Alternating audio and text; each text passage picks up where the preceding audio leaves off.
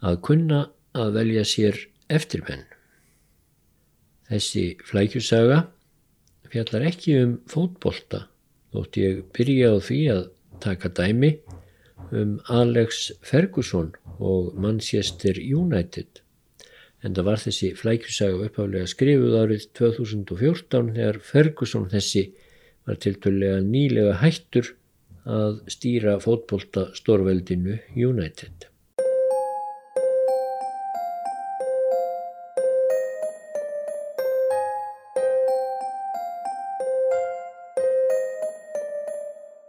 Í heitum pottum nú um stundir að minnstakosti það sem karlmenn koma saman eru fá umræðu efni vinsætli þessa dagana en vandræði enska fótbolltafélagsins Manchester United.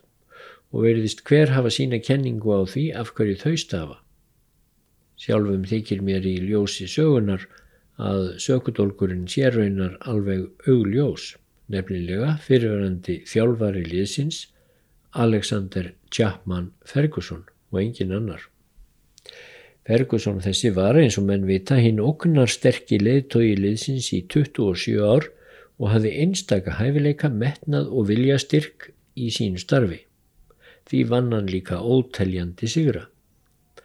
En að lokum átti hann sig á því að þetta væri úrlega ágætt og ákvaða hætta og þá fjall Ferguson killiflatur í einmitt þá grifju sem virðist næstum óhjákvæmilegt að sterkir og sigursælir leðtogar detti onni þegar ferli þeirra er að ljúka. Það er að segja, hann valdi minnipokamann sér að eftirmanni. Til þess einfallega að þér virðist að eftirmaðurinn myndi áraðanlega ekki skikja á hann þegar framliðu stundir. Sá útvaldi í tilfelli Fergusons reyndist vera David Moyes Þjálfari sem á rúmum áratug hafði gerbreytt yfirbræði Everton-liðsins frá því að vera dáltið mistækt stórlið sem alltaf öðru kvoru vann ágæta sigra yfir í að verða þrautsegt miðlungslið þar sem árangur yfir miðju í ensku deildinni var talin mjög ásættanlegur því að við meiru mætti alls ekki búast. Mójes var sem sagt ekki sígurvegar í eðli sínu. Heldur var hann svona maður sem er góður í að býta á jakslinn og hann fær sitt kikk í lífinu út úr því að vera hrósað fyrir að gefast ekki upp þóttu að alltaf blása á móti. Meðvitað eða ómeðvitað valdi Ferguson þannig mann sem var aftaka sinn því hann vissi að það væri engin leið að Móis gæti fyllt eftir sígurgöngu hans sjálfs og það er mannlegt að vilja tryggja sér háanstall í sögunni þó stundum hafi það í förmið sér að hinn öflugilegtogi skilji eftir sig sviðnajörð þar sem enginn er lengi vel í stakkbúin til að reysa heið fallna merki nokksamlega hátt á loft. Það má sjá þessa tilningu hinn að öflugilegtoga út um allt í sögunni, bæði í stóru og smáu og íslensk dæmi um þetta blasa líka við ef einhver nennir að skegnast eftir þeim. Í einhverjum heitum potti um daginn fórum við hins vegar að velta fyrir okkur hvort ekki mætti finna dæmi um fyrir gagnstæða, leðtoga sem þvert að móti velja sér sjálfur öfluga eftirmenn og er ekkert smekir við samkeppni frá þeim í henni sögulegu vitund en þrátt fyrir að brjóta heilanum þetta heilengi þá tókst í rauninni aðeins að finna eitt dæmi um slíkt. En þar er endar um að ræða röð fimm öflugur af fóringja sem allir völdu sér sjálfur ágæta eftirmenn, nema sá síðasti. Árið 906 eftir Krist var rómerski keisarin Domitianus myrtur af nánum aðstóðarmannum sínum og líförðum sem hefði fengið nóg af gethóttastjórn hans og grimmilegum ofsóknum gegn raunverulegum og ímynduðum ofinum. Engin samsærismannana var sjálfur í stakk búin til að hrifsa til sín keisarategnina og þá kom öldungaráðið í Róm til skjálana og valdi einn úr sínum röðum til keisara, hálf sjötugan og heilsuveilan og barnlausan öldungaráðsmann sem Nerva hétt. Nerva fjælst á að verða keisari og næstu tvö árin vann hann af stakri samvisku semi að því að koma á röð og reglu eftir róstu sama stjórnartíð Domitianusar. Domitianus hafði ekki aðeins verið harðstjóri hinn vesti, heldur látið stjórnsýslu reka á reyðanum og eitt mjög um efni fram svo við mörg vandamál var vissulega að glíma. Til að tryggja sér stuðning hersins þá ættleiti nerva vinsælan hershöfðingja sem stýrt hafði um skeið liði Rómar í Germaníu eða Þískalandi sem nú heitir.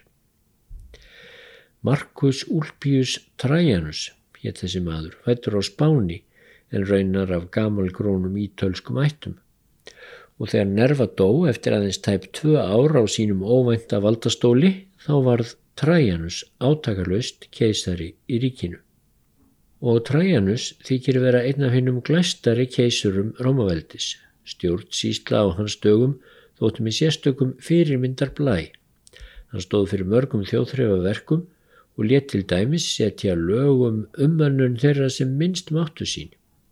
Svo sumir vilja ganga svo langt að telja Trajanus einn af upphásmannum velferðaríkja nútímans. Personlega þótti hann prúður og vandaður maður. Reyndar hafði Trajanus svo gott orð á sér að eftir að kristni varði ríkistrú í Rómaveldi þá var til svo saga að Gregorius Páfi hefði reist hann upp frá dauðum stundarkorn svo skýra mætti hann til kristindóms því það gengi ekki að svo ágætur keisari lagi ókristnaður í gröfsinni. Á sínum eigin dögum hafði Trajanus þó verið þekktastur fyrir hernaðarbröld sitt.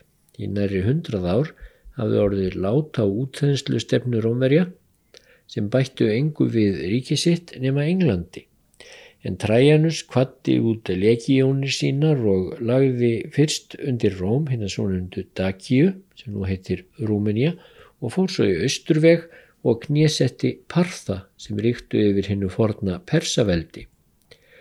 Frá þeim tók Trajanus Mesopotamíu eða Írak og væri fróðulegt að vita hver hefði orðið þróun þar ef landsvæðið hefði kannski næstu aldirnar orðið Rómverst en af því varð ekki.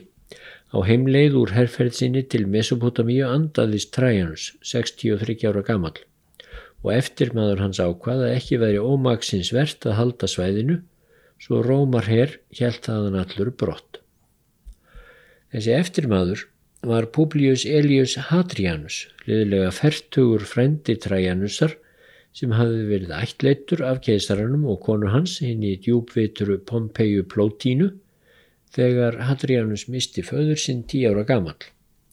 Þeim hjónum Trajanusi og Plótínu hafði ekki orðið barna auðið og kann að hafa spilað þar inn í að Trajanus var sterklega grunnaður um að hrífast meira af sætum strákum en konu sinni.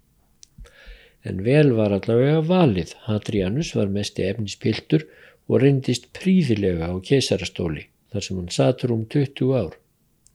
Satt er reyndar ekki vel að orði komist í hans tilfelli því hann var á stöðu um ferðalögum um ríkisitt og fór allt norður til Skotlands þar sem hann let reysa hinn fræga Hadrianusar múr svo verja mætti rómverska þegna á Englandi fyrir árásum skoskra villimanna. Að treysta friðin í ríkinu voru reyndar ær og kýr Hadrianusar. Hadrianus var samkynnegur og átti ekki börn með konu sinni frekar en Trajanus. En þegar hann var komin á sjötugsaldur og orðin hilsuveill þá ættleiti hann Antonínus nokkur sem síðar hlaut viður nefnið Píus eða hinn Trúi. Og Antonínus varð keisari við lát Hadrianusar. Ekki nómið það. Antonínus hafði nefnilega átt tvo síni sem báðir voru þá dánir ungirð árum og Antonínus ættleiti því um leið sjálfur ungan efnispilt sem Hadrianus hafði valið handunum. Antonínus Pius er eitt þeirra rómarkeisara sem erfiðast er að muna eftir því á laungum valdatíma hans bar harla fátt til tíðinda. Það ríkti eiginlega fríður og ró um ríkið allt. Stjórn Antonínusar þótti mild og vitur og hann hafði mestu óbeitt á hernaði.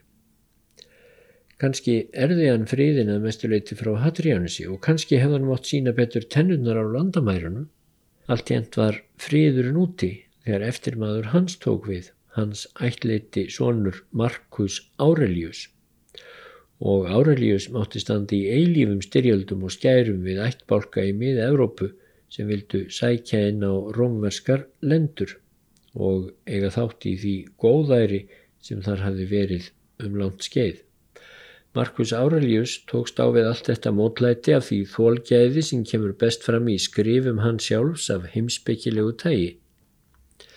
En hann let hverki hlut ríkisins en gerði einn skelvileg mistök. Hann kunni ekki að velja sér eftirmann eins og þeir fjórir keisararnir á undanónum, Nerva, Trajanus, Hadrianus og Antonínus. Markus Aurelius átti nefnilega sjálfur svon og föðurástinn blindaði nú þessum vitramanni sín. Hann nýmyndaði sér að strákurinn Commodus væri færum að gegna keisaratign. En það fór á annan veg. Þegar Markus Aurelius lést og Commodus tók við þá reyndist hann óhæft fýbl og harðstjóri og góðsinn tíð hinn að fimm kjör keisara sem svo eru nefndir hún var nú liðin. Þeir hafa líka verið kallaðir góðu keisararnir, þótt kannski sé ekki allir alveg sammála um það. Til dæmis ekki dagíumennir sem Trajanus þrælkaði og drapi í 2000. tali. Þeir myndu seint fallast á að telja Trajanus sérstaklega góðan. En þau rúm 80 ár sem þessir góðu keisarar ríktu er þó sem sé eitt af sárafáum dæmum um að öflugir leðtogar óttist ekki að velja sér öfluga og ég vil enn öflugri eftirmenn, ólíkt Alex Ferguson.